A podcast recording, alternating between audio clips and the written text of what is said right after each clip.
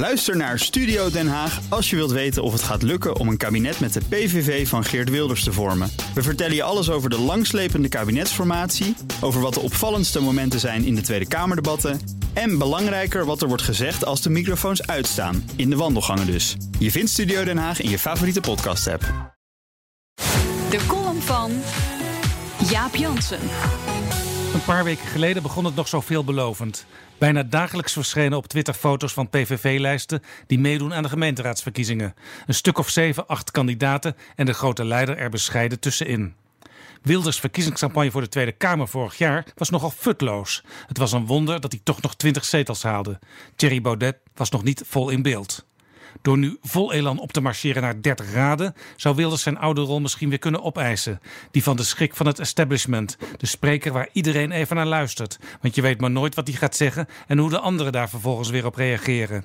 Lijst vol kanjers, twitterde Geert trots bij de foto van zijn Rotterdamse team. Superlijst bij de bossenfoto. Geweldige lijst in Rukven. Maar al gauw ging het mis. Dat een van de kandidaten op de foto nogal leek op een historische Duitse staatsman en kunstschilder, Swa. Die stuur je naar de kapper. Maar de Rotterdamse lijsttrekker bleek een gepatenteerd racist die zich ophield in bruine kringen. Op de Haagse lijst stond ook al zo'n type. Bovendien kregen ze daar al ruzie voordat de lijst officieel af was. Op veel plaatsen werden gauw wat kandidaten geschrapt. Wat een debiele, verzuchtte een PVV-Kamerlid in de Telegraaf. Geert heeft geen idee, klaagde een ander Kamerlid bij RTL. In 2002 noemden we dat LPF-toestanden, naar de partij van Pim Fortuyn.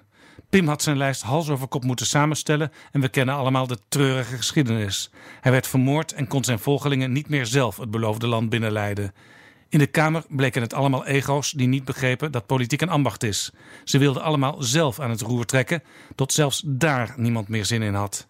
Ik wil geen LPF-toestanden, zei Geert Wilders toen hij in 2004 een eigen partij begon. Ik wil geen leden. Toch kun je uiteindelijk niet zonder solide organisatie. In een partij train je kandidaten en je discussieert er. Je ziet wie talent heeft en wie minder en je komt misschien nog eens op nieuwe gedachten. We hebben het overwogen, vertelde een prominente PVV'er me. Een partijorganisatie met uiteindelijk duizend leden, want dan krijg je subsidie. Maar Geert wil het niet. Het is te gevaarlijk. Je weet niet wat je binnenhaalt. Maar dat lijkt mij nou juist zonder leden een nog groter probleem. Wilders plukt zijn kandidaten van de straat en heeft niet eens de mankracht om hun antecedenten te checken. Dat doet Thierry Baudet beter. Die organiseert grote bijeenkomsten in het land en telt nu al bijna 23.000 leden.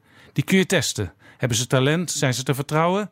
In maart doet Baudet alleen in Amsterdam echt mee en in Rotterdam samen met Leefbaar. Verstandig. Ondertussen kunnen de talentvolle leden groeien tot ze echt rijp zijn. Zo voorkom je PVV-toestanden.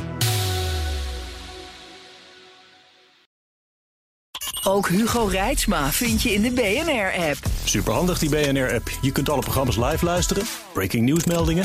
Je blijft op de hoogte van het laatste zakelijke nieuws. En je vindt er alle BNR-podcasts, waaronder natuurlijk de belangrijkste, Boeken zijn in de wijk.